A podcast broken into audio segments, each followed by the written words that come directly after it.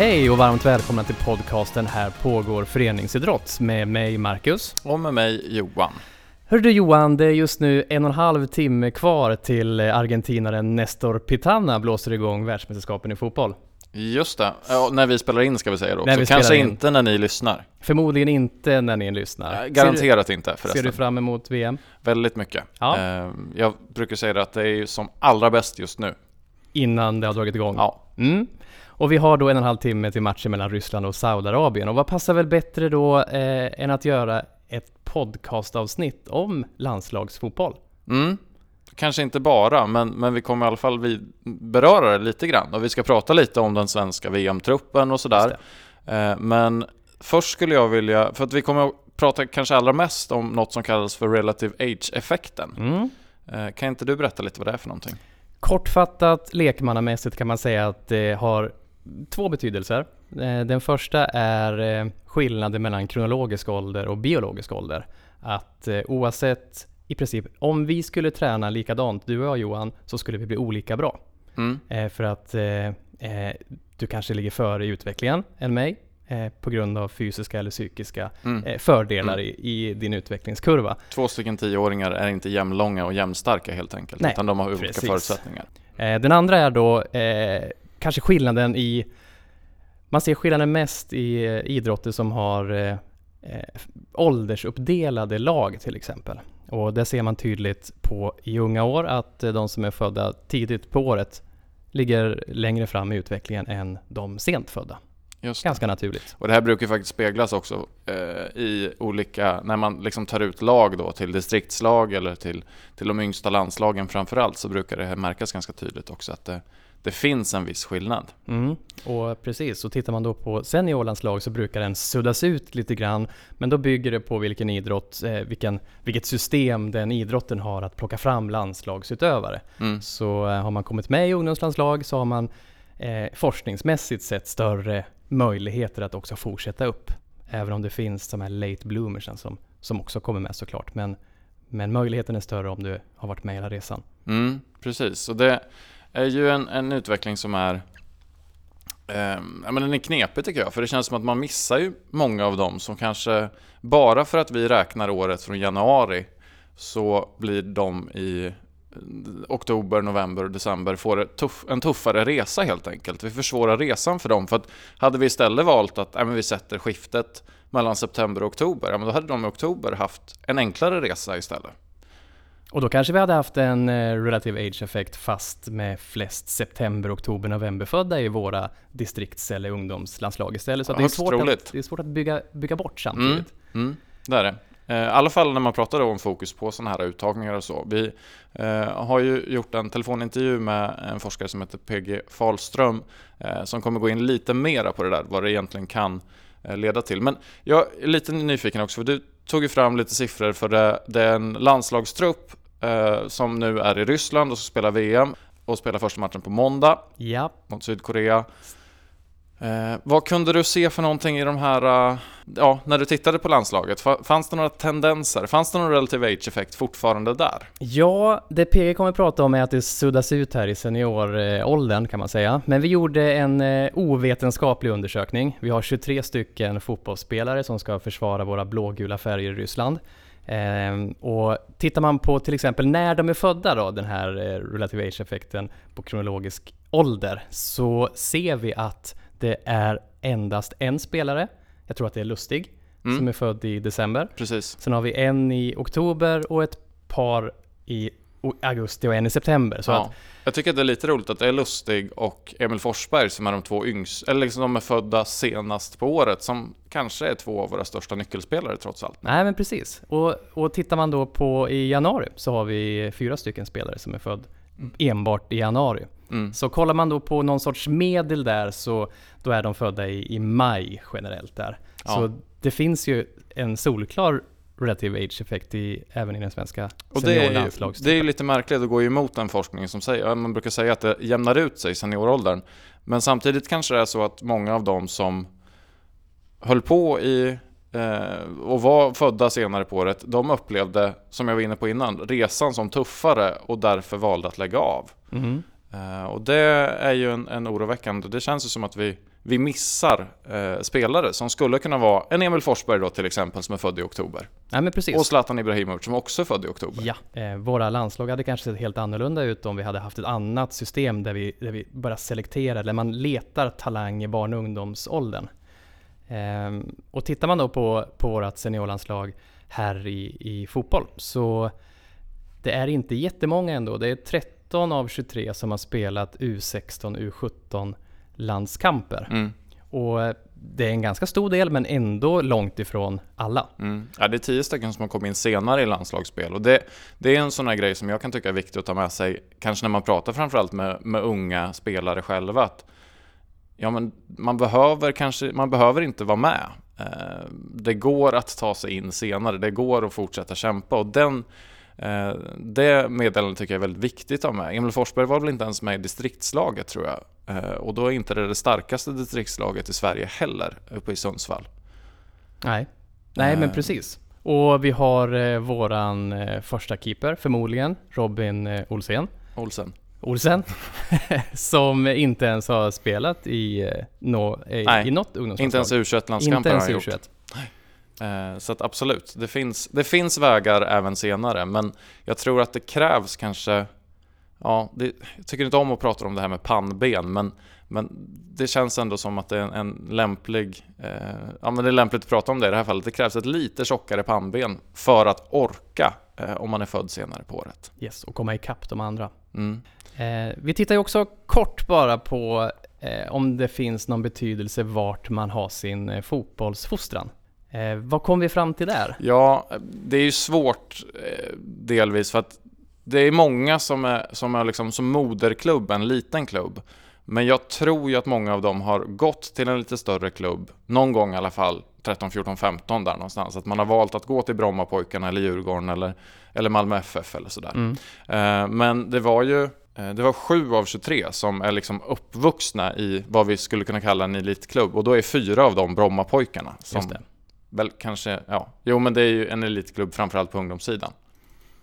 Eh, annars så är det ju, ja det är Robin Olsson från Malmö FF, eh, det är Marcus Rodén från IF Elfsborg mm. eh, och sen så är det även Forsberg, Forsberg IGF Sundsvall. Sundsvall ja. mm.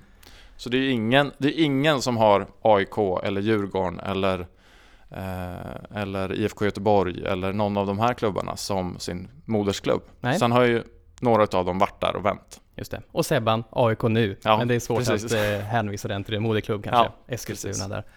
Jag tycker att det är väldigt kul när man ser just var ifrån de här spelarna kommer, att det kommer ifrån, det är verkligen hela landets landslag och det känns som en styrka. Det ska bli ett väldigt, väldigt kul VM att följa, tycker mm. jag. Och för oss ifrån eh, Örebro län är det ju extra roligt att vi har två stycken med i truppen som Precis. är härifrån. Ja, mm. så är det. Men nu tar vi och lyssnar på PG. Det tycker jag vi gör.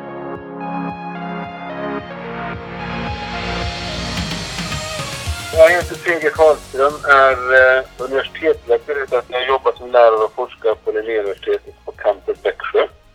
Har en bakgrund som badmintontränare i 40 år på alla nivåer, från nybörjare till svenska och utländska landslag. I akademin så har jag mycket hållit på med...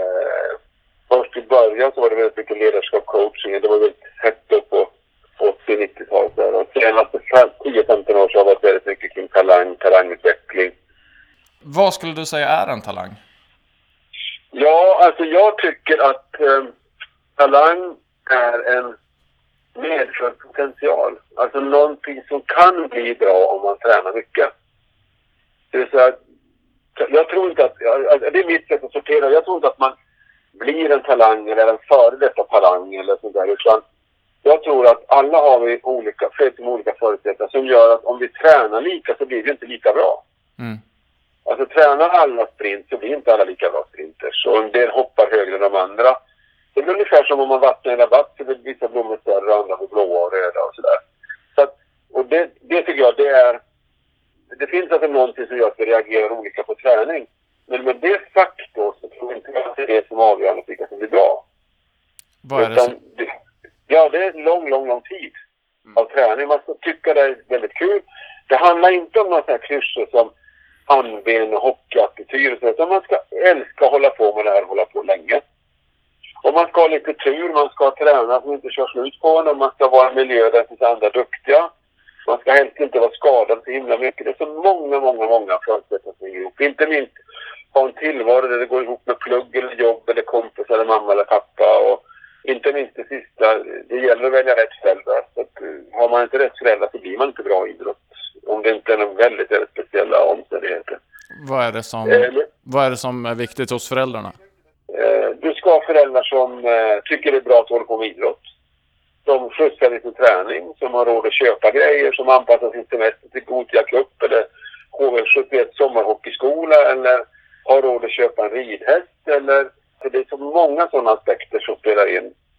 Eh, Du ska ha tur lite grann i de här utvalen som sker. Vi ser i fler och fler idrotter att kommer du inte in på idrottsgymnasiet så blir du inte landslagsutövare. Och då kan man säga att det gäller att du blir utvald när du är 16 år. Gör du inte det så är det mycket, mycket svårare. Och, det, och då är det väldigt lätt att det här med relative age att det spelar roll. Är du då tidigt utvecklad med resultat tidigt är det möjligt att då blir du utvald där. Därför att du är långt fram just då. Men det säger väldigt lite om att du ska vara bra om 10 år. Men om man då skulle, för att en sån här effekt som man tittar på är ju det som du nämnde här också, relative age. Hur skulle Mm. du eh, förklara relative age-effekten? Det har relative age betyder någon sorts jämför, alltså jämförelsebar ålder. Och det bygger på att eh, kronologisk ålder, alltså ditt födelsenummer när du är född, vilket år du är född, stämmer inte alltid ihop med biologisk ålder. Det vill säga hur utvecklat mogen du är. Och det är där man kan säga då till exempel att två tioåringar har olika relativ ålder. En tioåring kan ha utvecklats och 15 kilo tyngre och två decimeter längre och därför göra många, många gånger mål i fotboll eller hoppa högre eller vad det nu är för någonting. Och då brukar man säga att någonstans för killar kanske i årskurs 5 när de är 12-13 år och tjejer kanske något år tidigare. Då kan det skilja 5-6 år i en skolklass i biologisk ålder. Om man då tänker sig att uttagningar sker när de är i den det spannet någonstans. Det är klart att då gynnas ju de tidigt utvecklade väldigt, väldigt mycket. Och de kommer att springa fortare, skjuta hårdare, nå upp till ribban om de står i mål och så vidare som gör att ja, de vinner skytteligor och eh, målgörare i sitt lag. och går man då på sådana kriterier, det är klart att då gynnas ju du vara tidigt utvecklad. Mm. Så det är en aspekt. Den andra aspekten är att i väldigt många idrotter går vi på ålders, alltså vilket födelseår vi är. Och då, då, då kan man säga att enkelt uttryckt, all forskning som finns i hela världen visar att ju tidigare du väljer ut, desto större andel kommer du få som födda på första halvan året. Och det är det man oftast menar med det. Om man säger att i TV-pucken eller i Gothia-cupen och eller relativ age-effekt, då menar man ofta det. Övervikt födda i första kvartalet, första halvan året. Och så ser det ut i alla idrotter i stort sett i hela världen. Och det är, det är så givet i forskning, så det behöver man inte ens diskutera längre. Utan, och då försöker man i vissa idrotter med att eh, dela in i halvårsgrupper och allt möjligt sånt där. Men det man också vet är att tittar man på senioridrott så är ofta den relativa ålderseffekten borta. Det är mycket större skillnad, sticker ut huvudet och säger, i U16-landslaget än vad det är i seniorlandslaget. För när de kommer till seniorlandslaget, då är det de som hade fördel att så tidigt utvecklat, den fördelen är ju borta då. Har man inte en fördel av att vara med då i ett landslag tidigt, kanske att man får Jo, ögon på sig och precis. sådana delar? Alltså risken är ju då att kommer du inte med dig på pojklandslaget, då slutar du.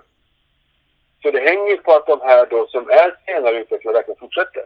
Och att de får en bra träning. För klart att med allt annat givet, så är det en fördel att gå på ett idrottsgymnasium. Det är en fördel att vara med i en bättre träningsgrupp, ha bättre tränare, få anpassade studier och träning och så vidare.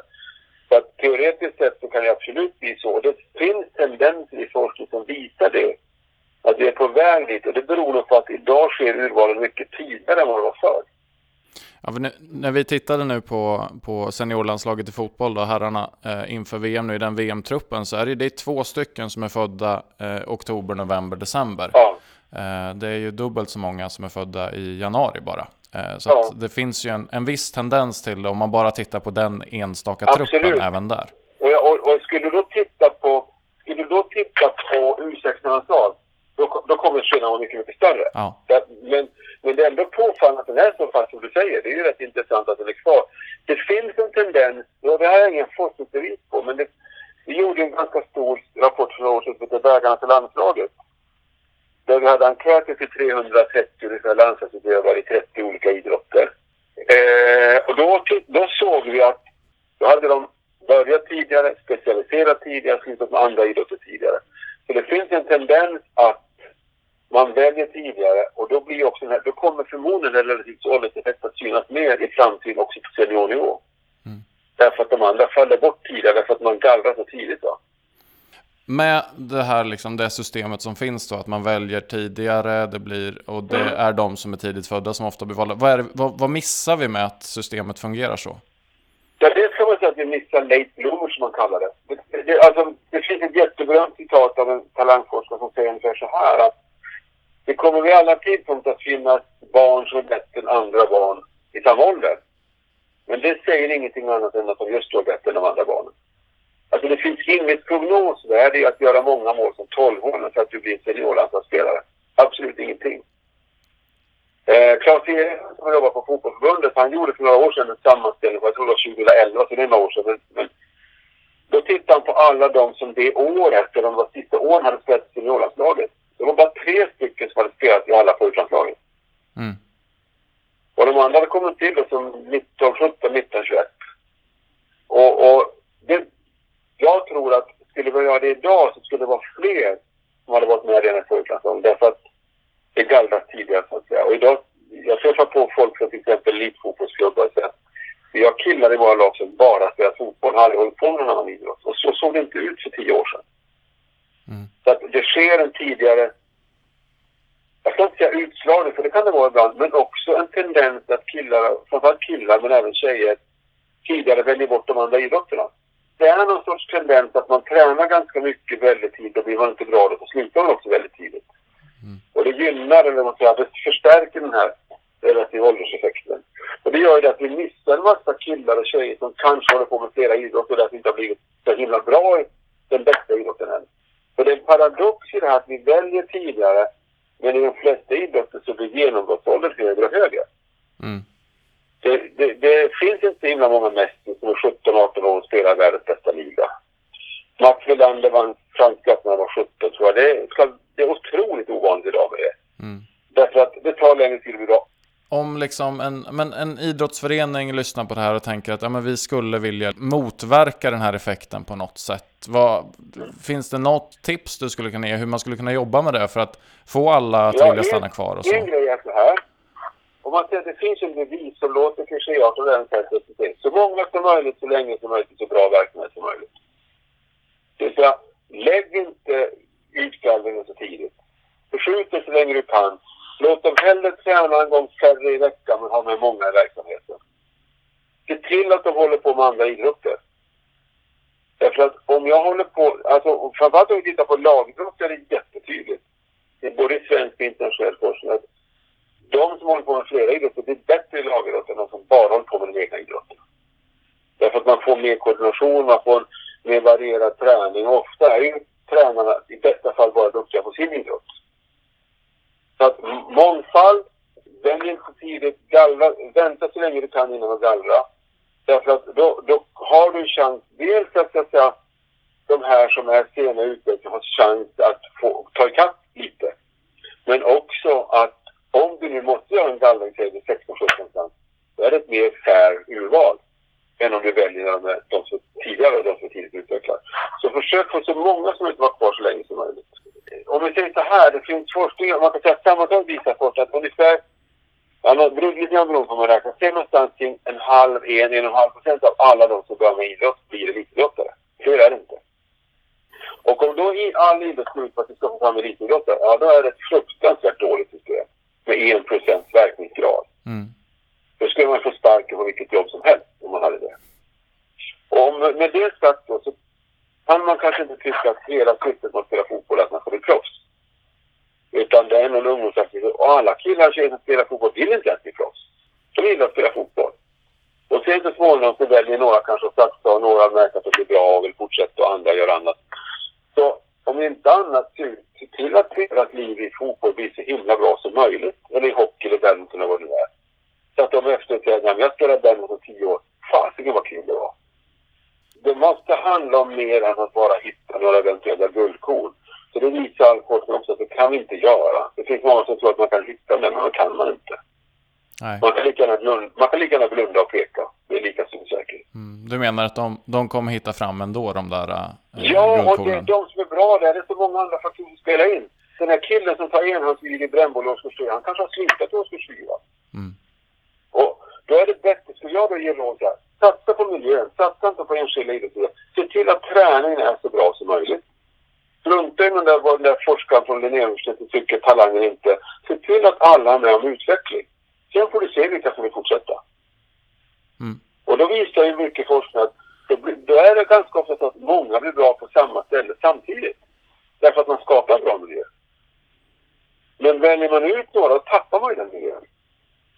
Och då kan det ju vara så att den här killen eller tjejen som är nummer tre är den som blir bäst så småningom. Men hade vi valt så hade han nog slutat redan.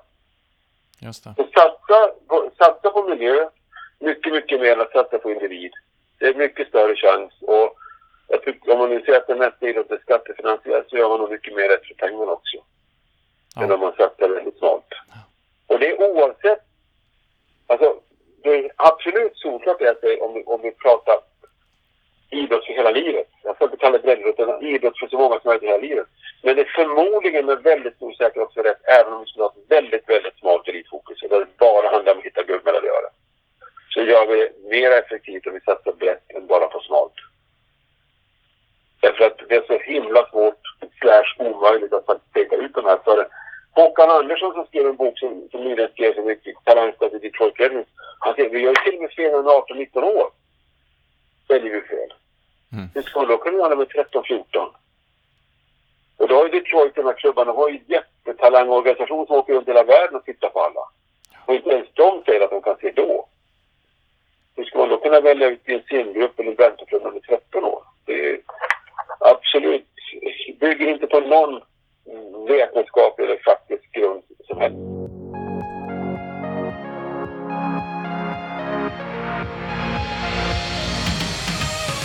Du har lyssnat på ett avsnitt av podcasten Här pågår föreningsidrott som görs av SISU Idrottsutbildarna i Örebro och Örebro läns idrottsförbund. Idag har vi pratat om relative age-effekten med en liten koppling till fotbolls-VM som just nu pågår i Ryssland. Med oss var PG Falström, forskare vid Linnéuniversitetet i Växjö. Han har bland annat gjort en studie som heter Vägarna till landslaget. Den hittar ni på olif.se podd. Och vi vill som vanligt jättegärna ta emot era eh, åsikter. De skickar ni till podd olif.se. Vi älskar verkligen feedback, så hör av er. Nästa vecka är vi tillbaka igen med ett nytt avsnitt. Hoppas ni lyssnar då.